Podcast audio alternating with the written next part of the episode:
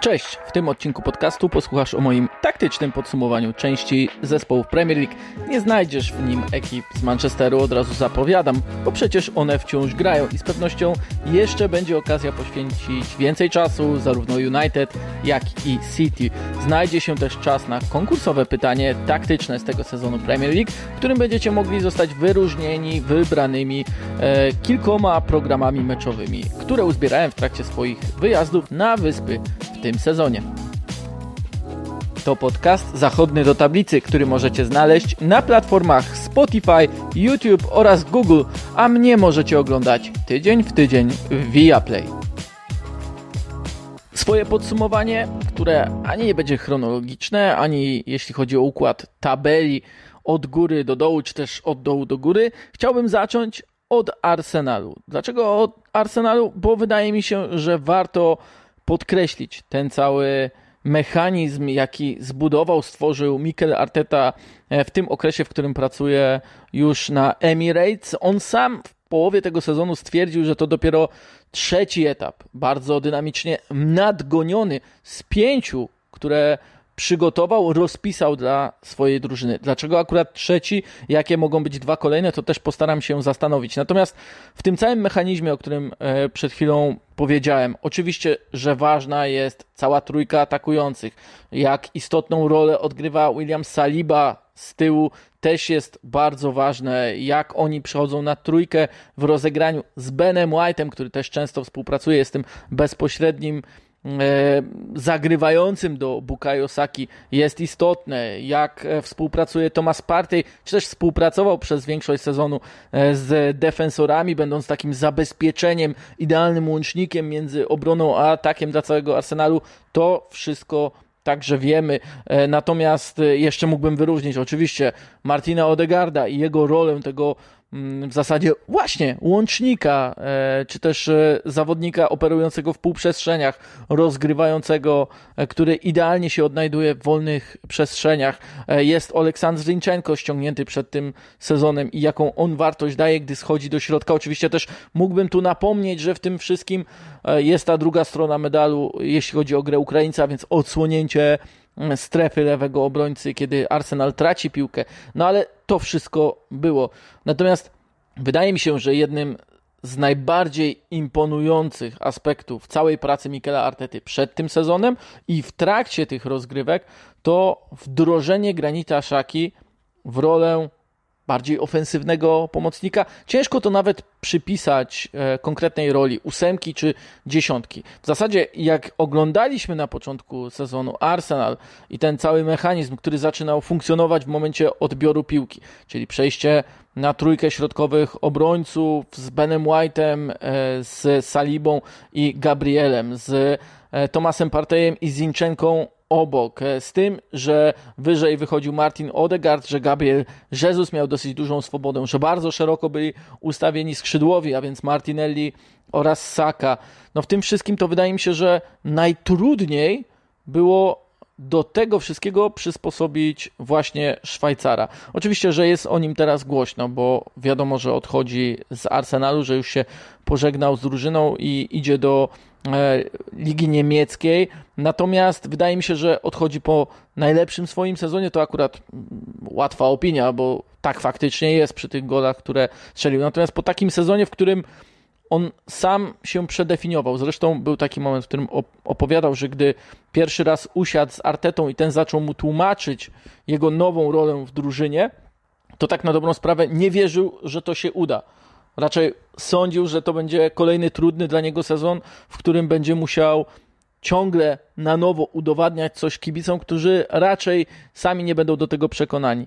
Tymczasem wydaje mi się, że bardzo szybko on sam dostrzegł, jak idealnie pasuje ze swoją fizycznością, ze swoim takim agresywnym wejściem z drugiej linii w pole karne, e, z bardzo dobrą też grą, oczywiście lewą nogą, z tym, że potrafi uderzyć z dystansu, ale i ten timing właśnie wejścia mm, w drugą linię i współpracy ze skrzydłowym, czy też z napastnikiem schodzącym do tej strefy ma bardzo dobry i też jest najmniej często, albo inaczej, dłużej części zwłaszcza tej pierwszej części sezonu, nie był tym zawodnikiem, na którym rywale się skupiali.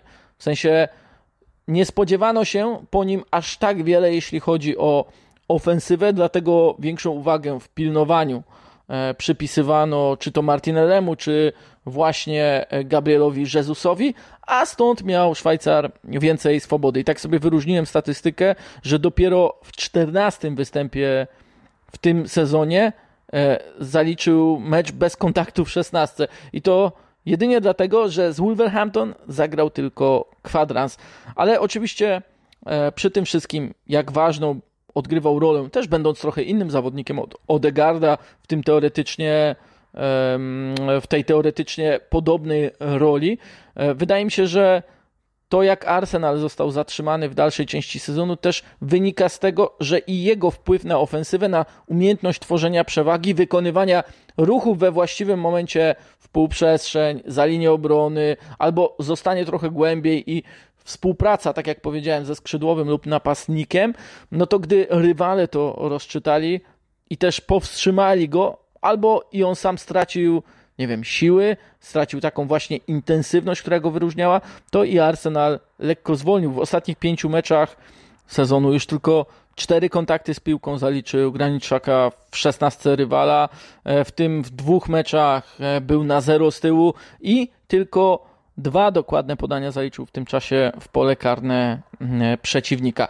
Jeśli chodzi o powrót do tego, o czym mówiłem na wstępie, a więc pięć faz rozwoju, pięć etapów rozwoju Arsenalu Mikela Artety, to widzieliśmy jak szybko zdołał on osiągnąć ten poziom wielce satysfakcjonujący. Jak może to e, ten kolejny krok wynikać z choćby szerokości ławki rezerwowych i też dostosowania tych zawodników, którzy dołączyli zimą, tych zawodników, którzy dopiero wracali do składu, albo tych zawodników, których należy wymienić jak Granita Czakę, żeby wejść na wyższy poziom, e, zależy i też ile może dać to Arsenalowi e, w kolejnym sezonie. Dla mnie ta trzecia faza, czy ten trzeci etap Arsenalu to przede wszystkim kontrola spotkania, kontrola emocji, umiejętność trzymania rywali na dystans, zepchnięcia ich w defensywę i wydaje mi się też umiejętność reakcji na niepowodzenia. I w tym wszystkim Arsenal był do pewnego momentu bardzo, bardzo mocny. I też widzieliśmy, że może ze względu na bardzo młody wiek e, wyjściowej jedenastki, na to, że te emocje wyścigu mistrzowskiego e, zrobiły swoje,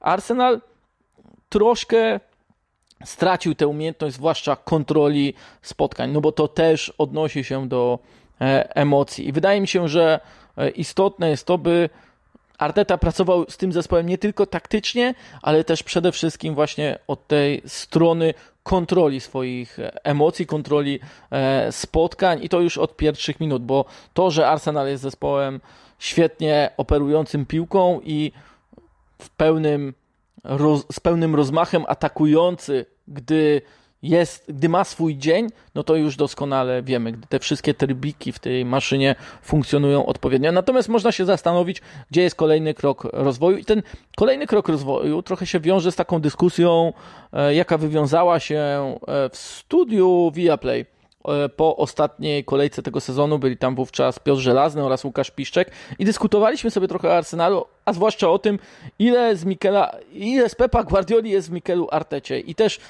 w drugą stronę, ile z tego, co grało City, wynikało ze współpracy Pepa Guardioli właśnie z Artetą, gdy ten był oczywiście jeszcze w Manchesterze City. I to nie jest tak, że ktoś chciałby nazwać e, Artetę mini Pepem, że on kopiuje pomysły, czy też nie udoskonala, bo właśnie przykład Granita Czaki, a więc uruchomienia takiego pomocnika, o którym w ogóle byśmy nie powiedzieli, że jest w stanie odnaleźć się w takiej roli, jaką przygotował dla niego, mm, dla niego szkoleniowiec, świadczy o tym, że on potrafi widzieć coś więcej, potrafi nawet więcej niż e, po prostu przeniesienie jednego systemu od A do Z na, e, na, swój, na swój zespół. I oczywiście, że potrzebował do tego transferów z Manchesteru City, potrzebował Zinchenkę, potrzebował Gabriela Jezusa, ale to też pokazuje, że miał swoją jasną wizję na e, tę drużynę, także dopasowując odpowiednio skrzydłowych i także to, że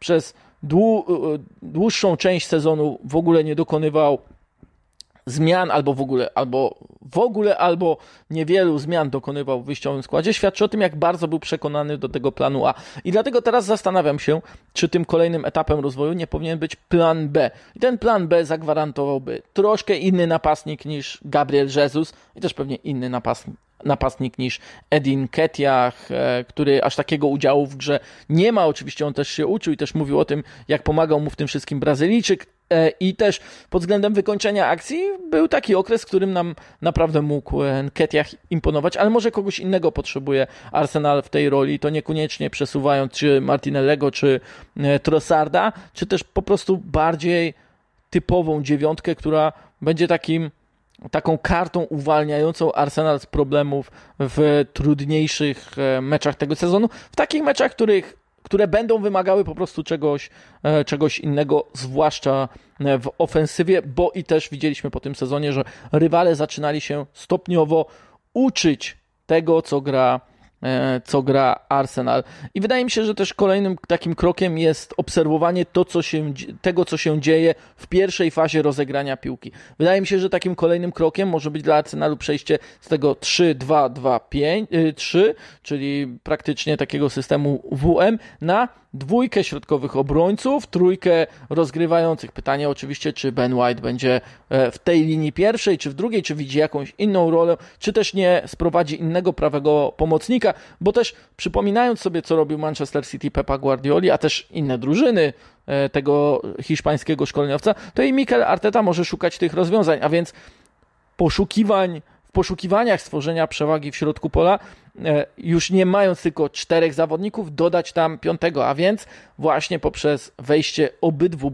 bocznych obrońców do środka, prawda? Czyli stworzenie takiego rozegrania na dwóch obrońców, trójkę pomocników, dwóch rozgrywających i jeszcze trójkę mm, trójkę napastników. E, to system już nie WM, ale WW, e, jakby tak można było sobie opisowo to wyobrazić, ale to mogłoby znów stworzyć nowe linie podania, nowe problemy przeciwnika i oczywiście też trochę bardziej odsłonić Arsenal, ale wobec tego, że miałby zespół Artety dodatkowego zawodnika do presowania, do zatrzymywania kontr te linie wyżej, to może byłoby to trochę łatwiejsze i też ze względu na większe wsparcie Thomas Partey na przykład nie byłby Mm, nie byłby, no nie wiem, często tak wyizolowany w tej ostatniej części sezonu, gdy jego forma e, spadła.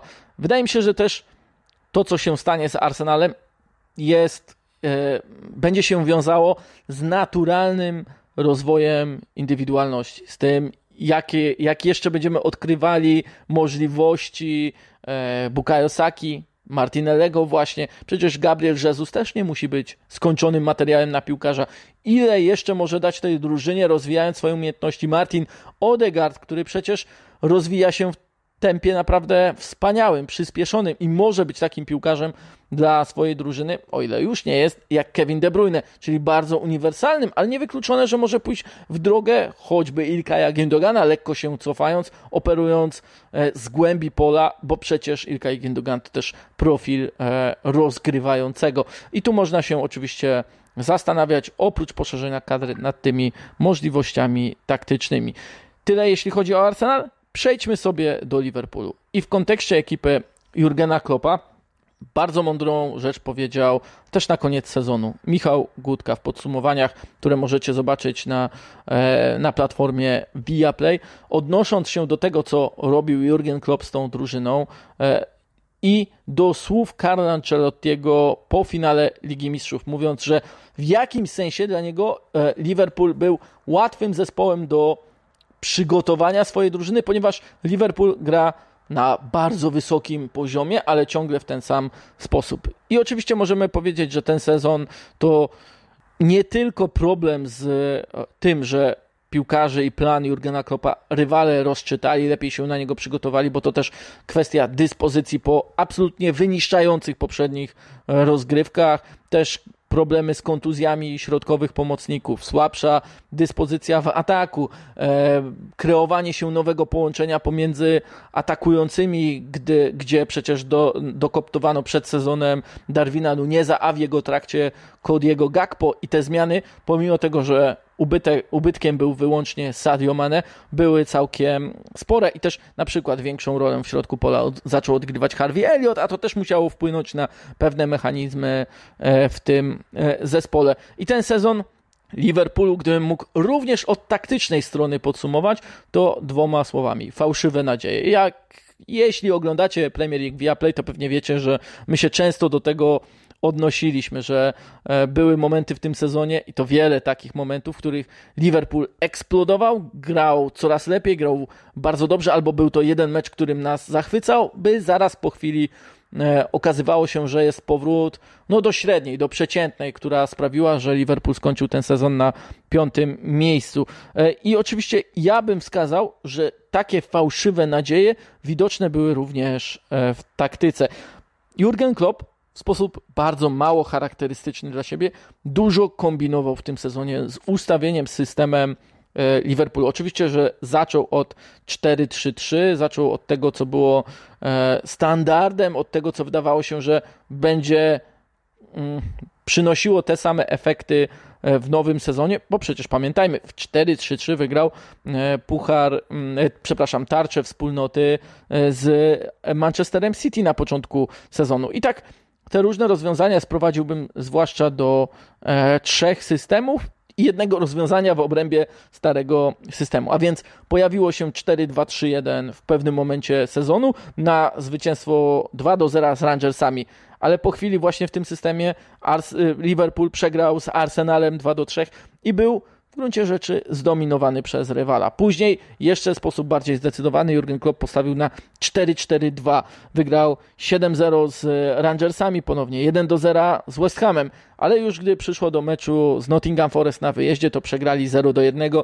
Nie byli sobą w tym spotkaniu, mieli ogromne problemy ogromne problemy e, w defensywie i przypominam sobie, że wówczas, gdy te pierwsze fałszywe nadzieje odnośnie 4-4-2 i tego, czy może Jurgen Klopp utrzymać ten system się pojawiły, to on sam mówił spokojnie, to nie jest tak, że to jest rozwiązanie na dalszą część sezonu, możliwe, że wrócimy do 4-3-3, możliwe, że będziemy z tego korzystali częściej, jeszcze zobaczymy i to, choćby, że on nie był tak zdecydowany w danym momencie, też widząc pewnie że to nie są tak oczywiste te pierwsze efekty, o których wspomniałem, gry e, dobrej jego zespołu, to e, tak na dobrą sprawę świadczy o no, problemach również Liverpool z formą poszczególnych zawodników, z, tymi, e, z tym nawiązaniem właściwie, ja wiem, że to się powtarzam, ale z tym nawiązaniem właściwych połączeń pomiędzy zawodnikami albo nawiązaniem ich na nowo, bo przecież tak jest, gdy zawodnicy wracają e, po jakiejś dłuższej przerwie związanej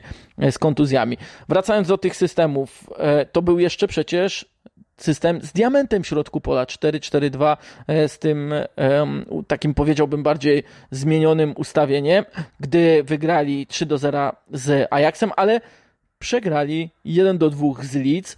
Były też e, akurat było też 0 e, do 3 z Brighton, ale to po dwóch miesiącach, kiedy Jurgen Klopp nagle wrzucił ten system znowu w grę również pewnie ze względów kadrowych i okazało się, że jego słowami e, Liverpool zagrał najgorsze spotkanie jego kadencji, kompletnie mm, będąc no, zdeklasowanym przez, e, przez, swojego, e, przez swojego przeciwnika. I na koniec to 4-3-3, które pojawiło się od innego meczu z Arsenalem, a więc od tego na Anfield, kiedy w 4-3-3 trend Alexander Arnold zaczął schodzić do środka w rozegraniu. O tym sobie jeszcze jeszcze powiem, ale tak na dobrą sprawę problem Liverpoolu z tymi różnymi systemami, rozwiązaniami stosowanymi przez Klopa wpłynął i też wypłynął ze względu na pressing. Pressing, który trochę się rozlazł Liverpoolowi i to widać było w zasadzie od początku sezonu. E, Klopp sam mówił, że w pewnych momentach oni e, zostawiali zbyt duże przestrzenie pomiędzy liniami, że pomoc nie nadążała za atakiem, że były momenty, w których atak ruszał za wcześnie do tego pressingu, albo nie kontrolując tego, co dzieje się za ich plecami, e, sprawiał, że po prostu drużyna się rozciągała na całej długości boiska albo na większości boiska, albo czasem rozciągała się wystarczająco, by na tym poziomie intensywności, na którym rywalizuje Liverpool, e, przeciwnik to po prostu wykorzystywał. A czasem to obrona, bo to też jest istotne, nie wykonywała tych kilku kroków do tyłu albo wykonywała wykonywała jeden lub dwa, nawet wstecz, bliżej swojej bramki,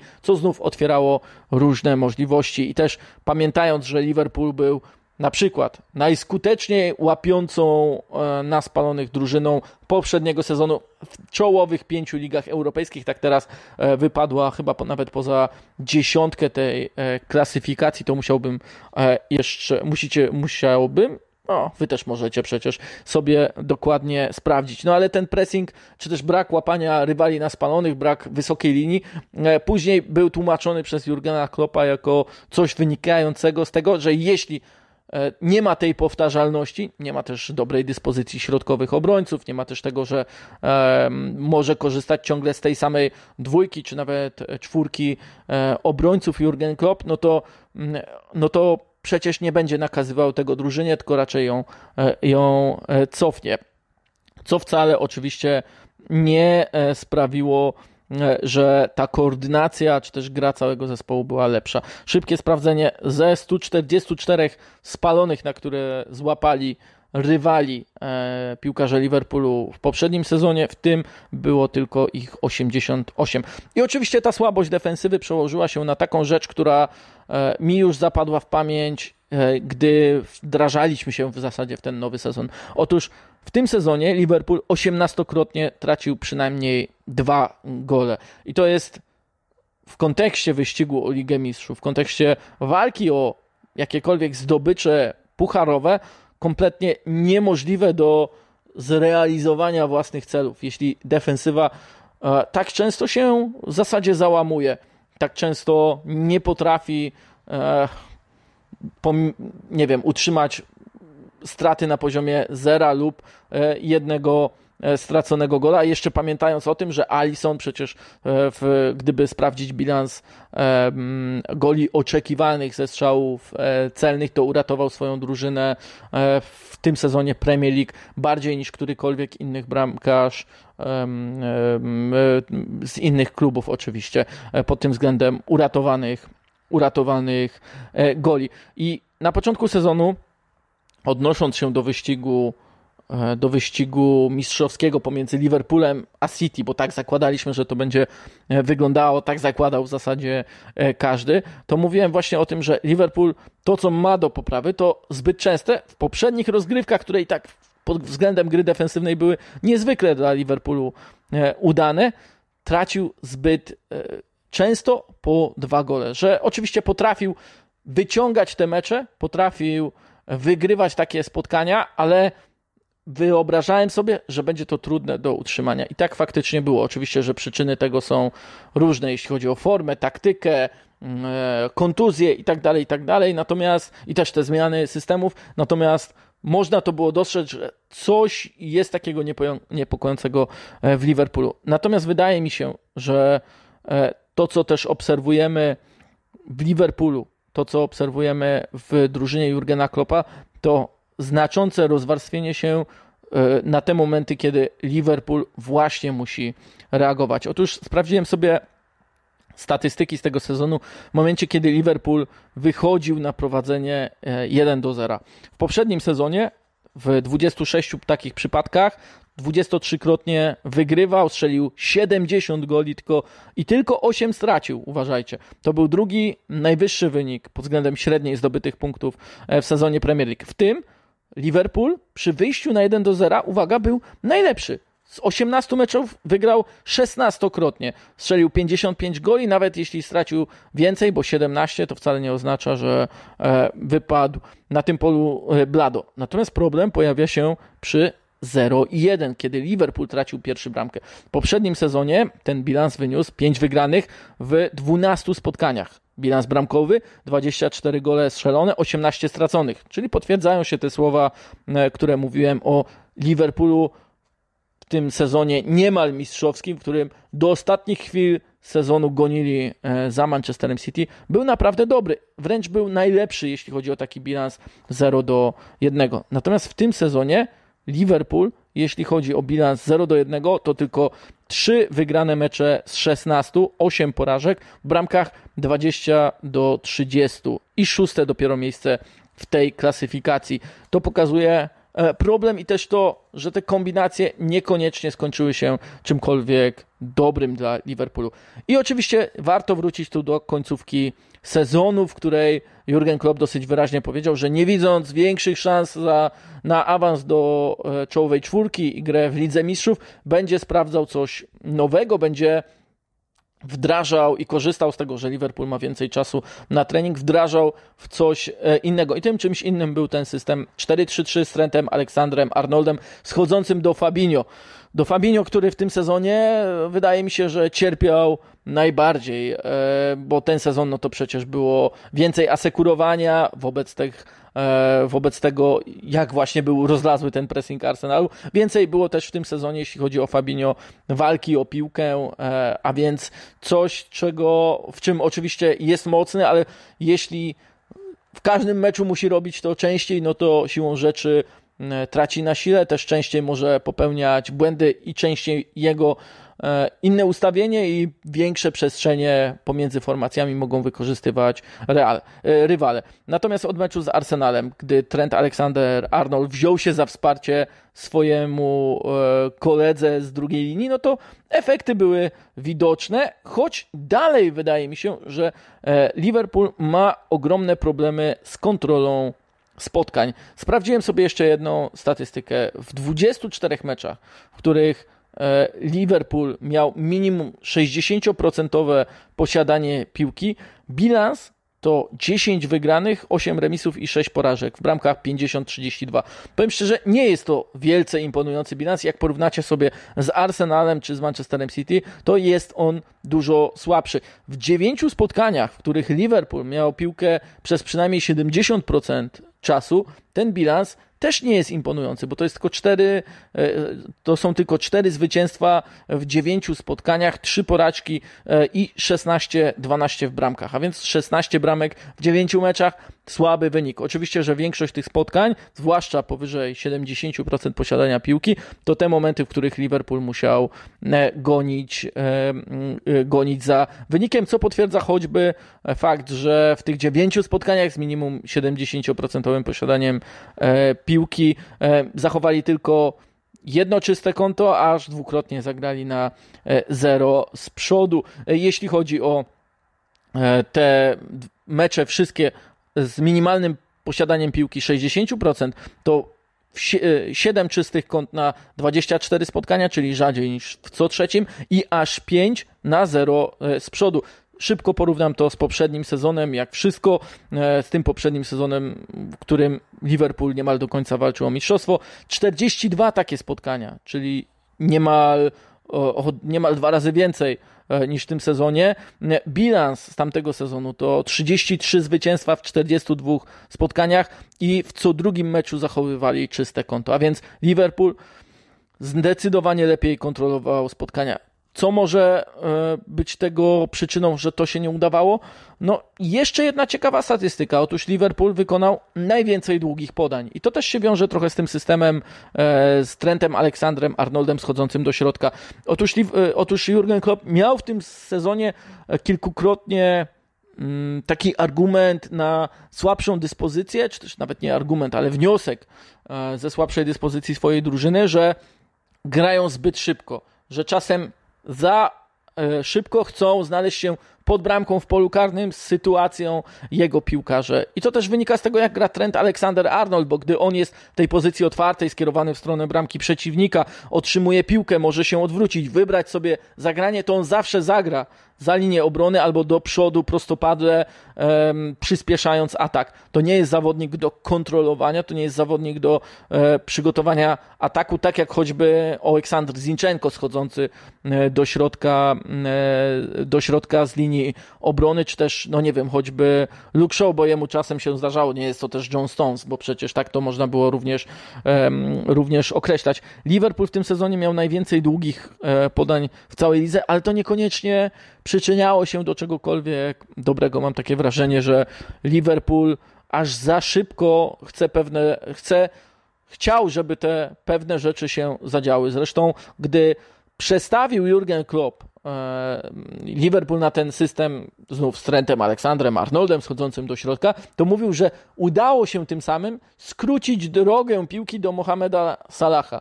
Nie wcale skrócić drogę Mohameda Salaha do bramki przeciwnika, ale sprawić, by on znacznie szybciej otrzymywał piłkę, bo też obserwując Salaha, Wiemy, że to jest piłkarz, który chce otrzymywać piłkę do nogi, nie tak często gra na prostopadłe podania, a jeśli już, to już bliżej właśnie samego pola karnego, choć oczywiście jest bardzo szybkim zawodnikiem. Jak szybkim przy takim bezpośrednim graniu, no to przypomnijcie sobie choćby jego gola strzelonego Manchesterowi City.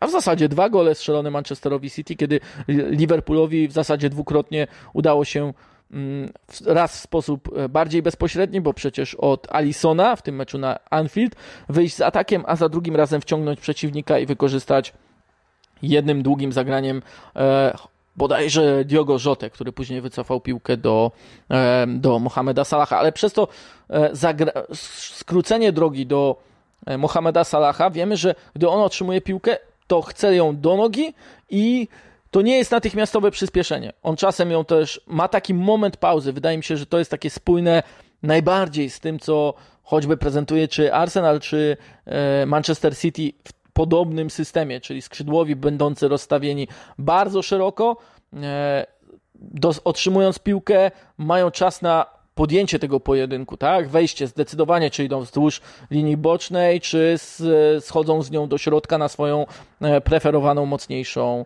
e, nogę. No i wydaje mi się, że takim jeszcze ciekawym rozwiązaniem w tym nowym systemie Liverpoolu jest to, e, jak będą funkcjonowali zawodnicy z pozycji 8 i 10, czyli zwykle Harvey Elliott oraz Curtis Jones. Zwłaszcza ten drugi, widzieliśmy, że choćby w meczu z Tottenhamem świetnie się w tej roli spisywał, doskonale uzupełniał się z, ze skrzydłowym, wymieniając tą rolą, czy to z Luisem Diasem, czy, czy choćby z Diogo Jotą. I też bardzo dobrze wchodzi w drugie tempo e, w pole karne. I widzieliśmy no, odmienionego też wracającego do swojej bardzo wysokiej dyspozycji, dyspozycji e, Jonesa. Sam jestem ciekaw, czy będzie Jurgen Klopp rozwijał ten system. Pewnie wiele zależy od tego, jakich zawodników e, ściągnie sobie do środka pola. Jestem w stanie wyobrazić sobie, że akurat Alexis McAllister e, wpasuje się w to idealnie i to niezależnie od tego, czy będzie bardziej tym zawodnikiem zostającym i operującym z tyłu, czy raczej grającym wyżej. W każdym razie jest to zdecydowanie piłkarz, który pozwoli Liverpoolowi lepiej kontrolować e, spotkania.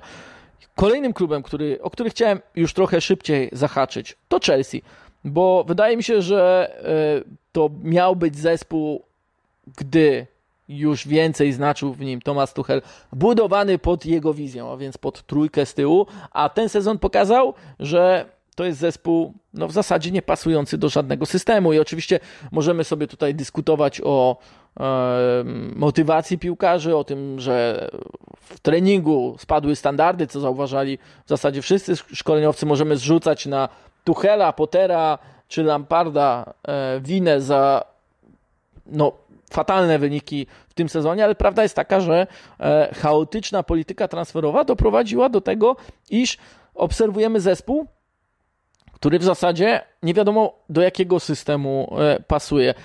I gdy myślę o tym sezonie Chelsea, to widzę po prostu zespół nieświadomy tego, co ma grać. I jeśli miałbym szukać, bo też chciałem to odwrócić, żeby już tego nie uderzać w ten klub raz, raz po raz, i gdybym miał szukać czegoś pozytywnego w tym sezonie Chelsea, to przede wszystkim spojrzałbym na pressing, bo niezależnie od tego, który trener prowadził Chelsea, to każdy z nich narzucał wyższy pressing. Oglądaliśmy bardzo rzadko, oczywiście poza meczami z absolutną czołówką, e, City choćby, e, bardzo rzadko oglądaliśmy zespół wyłącznie się broniący. A powiem więcej, gdy ten zespół wyłącznie się bronił, to wyglądał najgorzej, jak choćby z Arsenalem na Emirates w pierwszej e, połowie, kiedy po prostu zaprezentowali się dramatycznie, dramatycznie nie wychodząc do tego wysokiego pressingu. A więc o tym wysokim pressingu świadczy choćby trzecie najniższe PPDA, czyli liczba, średnia liczba podań, na którą pozwalali przeciwnikowi w jego strefie, w zasadzie na jego połowie przed, e, przed podejściem do pressingu. Czwarta najwyższa liczba wysoko odzyskanych piłek, ale z tego tylko dwa strzelone gole.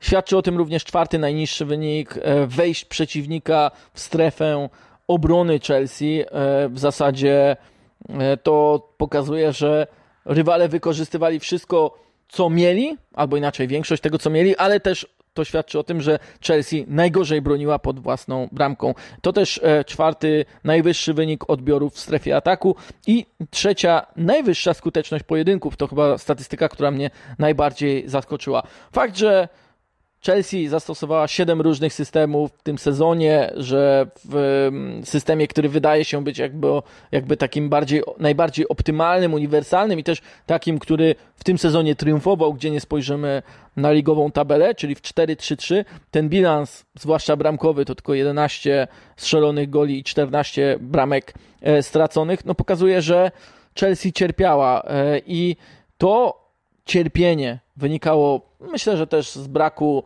jasnego przekonania kolejnych trenerów co do systemu, bo i Graham Potter zmieniał, robił to też Frank Lampard, choć on akurat powiedział od początku, że jego zdaniem i jego, że tak powiem, wizja futbolu to właśnie 4-3-3, do niej mieli nie pasować choćby João Felix. Oczywiście tej spójności wypowiedziach Lamparda było niewiele, jeśli chodzi o sposób grania i styl drużyny, o tym, tym się zajmować nie będę, ale jeśli chodzi o sam pressing jako podejście wysokie do przeciwnika, agresywność, to jest coś, co może e, przypaść do gustu Mauricio Pochettino, albo inaczej, coś, co może być przez Mauricio Pochettino wykorzystane jako e, początek, pewien fundament do pracy nad tym zespołem, bo oczywiście do samej chęci, czy też do skuteczności, umiejętności odbioru piłki dochodzi intensywność, Tutaj Chelsea akurat kulała. Organizacja wysokiego pressingu również tutaj Chelsea e, ogromnie e, kulała. Skuteczność wykorzystania tego wysokiego pressingu, no to wspomniałem, tylko dwa strzelone e, gole, podobnie jak Southampton i Nottingham Forest, a więc e, dwie drużyny, z których jedna spadła, a druga niemal do końca broniła się przed spadkiem. Także jest wiele elementów do poprawy, ale gdybym miał wskazać jeszcze taki jeden, kluczowy dla, dla Mauricio Pochettino to z miejsca zdecydowanie się na jeden konkretny system i skończenie z chaosem, bo Chelsea też była doskonałym tego przykładem, że zbyt wiele zmian, także taktycznych, może po prostu drużynie szkodzić. Jeden z ostatnich podcastów skupiał się na Brighton, więc e, też sobie odpuściłem zespół Roberto De Cerbiego. Jeśli chcecie o nim posłuchać, no to zachęcam Was do odtworzenia tego odcinka o Jasonie Steelu.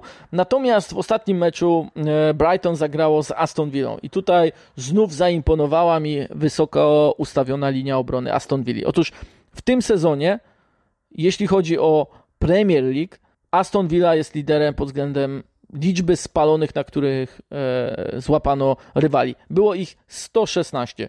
Następna drużyna, no to możecie pamiętać, 88 Liverpool oraz, co ciekawe, e, Fulham. Natomiast najciekawsze jest to, że w pierwszych 12 kolejkach, w których e, drużynę prowadził Steven Gerrard, tych spalonych było tylko 12. Pamiętaliśmy Aston Villa z tego okresu jako zespół pasywny, ustawiony nisko, nastawiony na szybkie ataki, na fazy przejściowe, na zebranie drugiej piłki, ale nic więcej. To nie był zespół, który budował grę w taki sposób, jak to robi Aston Villa Unaya Emery'ego.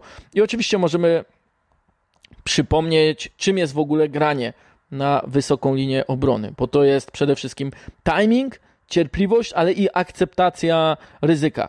Mówił o tym choćby Ian Wright, podsumowując mecz, który niejako przyczynił się w sposób absolutnie kluczowy do tego, że Aston Villa zagra w europejskich pucharach w przyszłym sezonie, a więc do zwycięstwa z Tottenhamem, w, których, w którym najwięcej razy w tym sezonie piłkarze Aston Villa złapali rywali na e, spalonych. I tam Ian Wright powtarzał, że nie ma zarzutu do tego, jak gra defensywa Aston Villa, ale należy zauważyć, że to jak zachowywali się wobec niej piłkarze Tottenhamu, ofensywni, wybiegający na wolną pozycję, jak zaczynali swoje ruchy, było kompletnym pomyleniem i przyczyniło się do tego doskonałego wyniku, doskonałej skuteczności linii obrony e, Unaja Emery'ego. Inaczej robiło to, um, robiła to drużyna Erika Tenhaga, a więc Manchester United i im akurat to wychodziło. Oni cofnęli lekko w tym meczu Bruno Fernandesza, który mając swobodę, nie będąc presowanym, wybierał właściwe momenty i też zupełnie inaczej funkcjonowała ta ofensywa i wówczas skończyło się porażką Aston Villa. Natomiast to, co jest, wydaje mi się, w tej wysoko ustawionej linii obrony ciekawe, to nie tylko fakt, że tak doskonale walczą ze swoimi nerwami, choćby Tyron Minks, który przecież wcale z tego nie słynął, ale przede wszystkim to, że nie robi im różnicy, czy piłka jest otwarta, czy jest zamknięta. E, piłka otwarta to ten moment, kiedy przeciwnik, czy też nawet twój zawodnik ma e, możliwość zagrania piłki do przodu, nie będąc presowanym, będąc odwróconym w stronę bramki, e, w stronę, w stronę bramki e, rywala. Piłka zamknięta to wtedy, kiedy przeciwnik jest tyłem, jest spresowany, nie ma możliwości odwrócenia się. E, no więc Aston Villa nie robi różnicy. Zwykle jest tak, że gdy piłka jest otwarta, to drużyna cofa się albo przygotowuje się na możliwość prostopadłego zagrania, a oni nie robią ruchu i to w tym wszystkim jest najbardziej imponujące. Stoją nadal wysoko. W 96 minucie meczu z Tottenhamem, gdy jeden z rozgrywających e, gości miał piłkę otwartą, oni nie robili nawet kroku i nie, uda nie udało się e, ofensywnym zawodnikom Tottenhamu, zwłaszcza Sonowi, wbiec idealnie w moment zagrania, bo była po prostu ta linia ustawiona tak wysoko, ta gra była tak ściśnięta bardzo e, w środkowej strefie, że po prostu rywale się e, pogubili. I to, co zaimponowało mi jeszcze w Aston Villa, to e, transformacja Oliego Watkinsa w klasowego napastnika. Było w tym sezonie kilka historii o tym, jak przyuczał go Unai Emery, pokazując mu materiały wideo z gry napastników w jego poprzednich klubach, e, jak ma się poruszać, ale przede wszystkim zwracał mu uwagę na to, by nie poruszał się w strefy boczne, by zawsze pozostawał w tym środkowym sektorze, w tym e, korytarzu, który jest absolutnie kluczowy. Ale też Oli Watkins powiedział o Unaju Emerym. On nam dokładnie mówi, gdzie mamy stać i dlaczego mamy tam stać. Czyli ta transformacja Aston Villa w zespół grający tak fajnie piłką i tak odważnie bez piłki, wynika również z tego, że e, umiejętności komunikacyjne, tak to warto e, określić, Unaja Ameriego, te e, umiejętności, które były obniżane, tak naprawdę wskazywane jako wada hiszpańskiego szkoleniowca, teraz są jego atutem, czyli on potrafił przekonać do tego swoich zawodników, sprawić, że nawet po tych godzinnych, często bardzo długich odprawach taktycznych, po bardzo długich tak, taktycznych treningach, oni, um, oni zdobyli przekonanie, że realizują coś dobrego, coś e, właściwego. E, zresztą była taka anegdota opowiedziana przez jednego z zawodników, który stwierdził, że piłkarze szybko nauczyli się, by nie pić zbyt dużo wody przed odprawami, bo wtedy mogą uniknąć wstydliwego momentu, w którym proszą trenera o zezwolenie na wyjście do toalety w trakcie odprawy taktycznej. I tyle, jeśli chodzi o Aston Villa. E, aha, chciałem tylko nawiązać do jednej rzeczy, bo nie widziałem takiej statystyki, a wydaje mi się ona interesująca.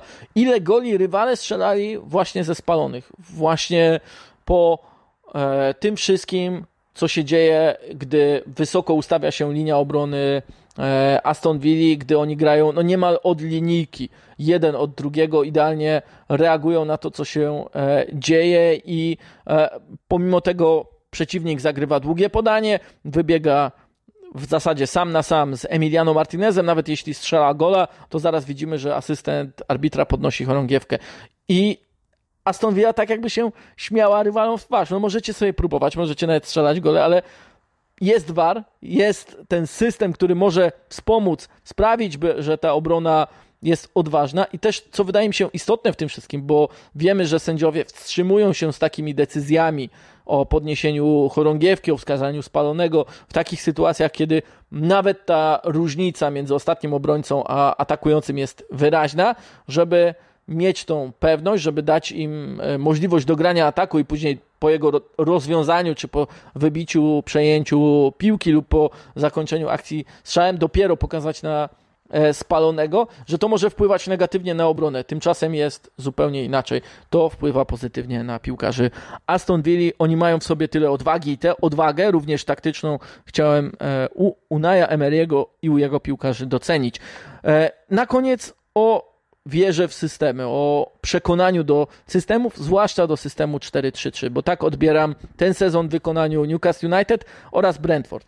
Jeśli chodzi o Newcastle, to praca Ediego Howe'a imponuje mi, bo udoskonalił swoje 4-3-3, bo to jest 4-3-3 wyważone między doskonałą organizacją w defensywie. Przecież oni przegrali najmniej spotkań w tym sezonie, stracili najmniej goli e, w tym sezonie e, również, a grą ofensywną, bo w ofensywie Newcastle jest bardzo odważne, jest bardzo ofensywne, umie też po, e, kontrolować mecze poprzez posiadanie piłki i Eddie Howe w tym wszystkim sprawił, że to 4-3-3 jest bardzo uniwersalne. Oglądamy Dana Berna jako mniej zaawansowanego lewego obrońcę, jako trzeciego w zasadzie stopera, a Kirana Trippiera znamy z tego sezonu jako jednego z najlepszych i też najgroźniej zagrywających piłkę w strefę ataku, najbardziej kreatywnych też zawodników w lidze.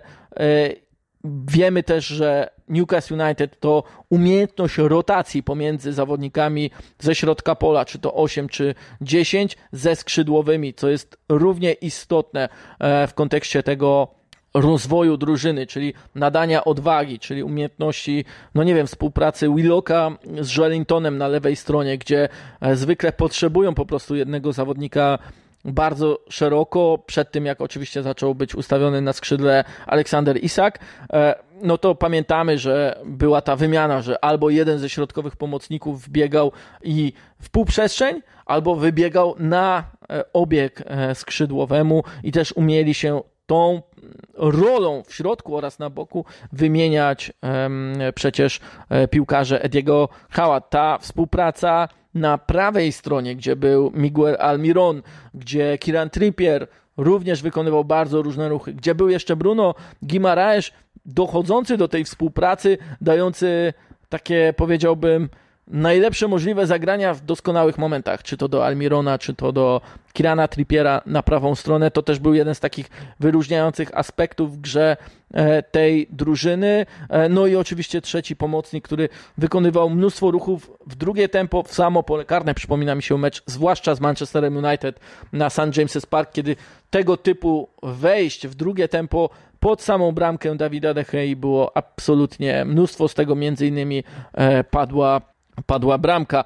No i to też oczywiście sztuka nieprzegrywania, jeśli chodzi o Newcastle e, w tym sezonie i taka powiedziałbym skondensowana intensywność, bo przecież wyróżniano Newcastle za, wyróżniano głównie negatywnie, za e, najniższy efektywny czas meczów e, w tym sezonie, średni czas oczywiście, natomiast to ile się dzieje w tym czasie, kiedy e, piłka jest w grze, pokazuje, jak intensywną drużyną może być Newcastle United, wielowymiarową, atakującą z głębi pola poprzez bardzo szybkich zawodników, ale też grającą bardzo szybko piłką na połowie przeciwnika i to nie tylko e, szybko do przodu. No i jest jeszcze Brentford na sam koniec i praca Tomasa Franka, która zaimponowała mi, bo przecież mieli najskuteczniejszych bramkarzy, niemal 78% obronionych strzałów, mieli też najbardziej skutecznych napastników, bo największy odsetek strzałów był celny, aż 37%, ale mieli też w tym sezonie dwa systemy. 3-5-2, z którego znaliśmy Brentford po wejściu do Premier League, w którym ten bilans może nie był najbliższy, bo to na, na, najlepszy, bo to tylko trzy wygrane z 12 spotkań, 5 remisów, 4 porażki, ale w tych trzech wygranych jest dublet z Manchesterem City, 3 do 1 z Liverpoolem, są też remisy z Arsenalem i Chelsea, a więc miał Thomas Frank taką broń, coś, co przygotowywał na znacznie lepszych rywali. Ze słabych meczów w tym systemie pamiętam w zasadzie tylko 0 do 3 e, z Arsenalem e, na Gitech Community Stadium, gdzie wówczas Brentford było po prostu zbyt pasywne, pozwalało na bardzo wiele Arsenalowi, Arsenalowi jeszcze idącemu bardzo pewnie po swoje w tym mechanizmie Mikela Artety, o którym mówiłem. No ale było też 4-3-3 i wydaje mi się, że ten system choć e, bardzo potencjalnie ofensywny, też świetnie pokazuje, jakie ma możliwości e, Brentford, jeśli chodzi o e, skrzydłowych, bo to jest zespół, w którym widzimy, że oni mogą odgrywać bardzo różne role. jak myślę o Brentford, to widzę ich doskonałych w niskiej obronie, gdzie wypełniają wszystkie swoje zadania we właściwy sposób, ale też widzę, jak groźni są, zwłaszcza skrzydłowi w ofensywie, e, kiedy także mieli Tone, Iwana Toneja e, w ataku i wykorzystywali e, jego umiejętność zdominowania obrońcy przeciwnika, bo przecież to jest mm, jedna z drużyn najczęściej celnie dośrodkowująca w pole karne e, przeciwnika z gry, ale to, co wydaje mi się jest istotne, to to, żeby nie szufladkować Brentford, bo przecież to zespół, który jeśli chodzi o ofensywę, jest dosyć nisko, oczywiście, co przewidywalne, jeśli chodzi o ataki e, długo prowadzone, ale jest też stosunkowo nisko w klasyfikacji ataków bezpośrednich ta gra ewoluuje, jeśli chodzi o Brentford. Jestem bardzo ciekaw, jak będzie ewoluowała i w którym kierunku w nowym sezonie, zwłaszcza, że w tych rozgrywkach oni już zanotowali 9 goli z odbiorów w strefie wysokiej, w strefie ataku, czyli tyle, ile City, e, Tottenham czy Arsenal, a więc jest to e, najwyższa wartość w lidze i najbardziej imponujący aspekt rozwinięty przez Tomasa Franka, e, pokazujący, że jest coś więcej jeśli chodzi o Brentford, niż tylko, no choćby to, e, że mają drugi najwyższy wynik goli oczekiwanych po stałych fragmentach i są tych, też z tych stałych fragmentów gry bardzo skuteczni.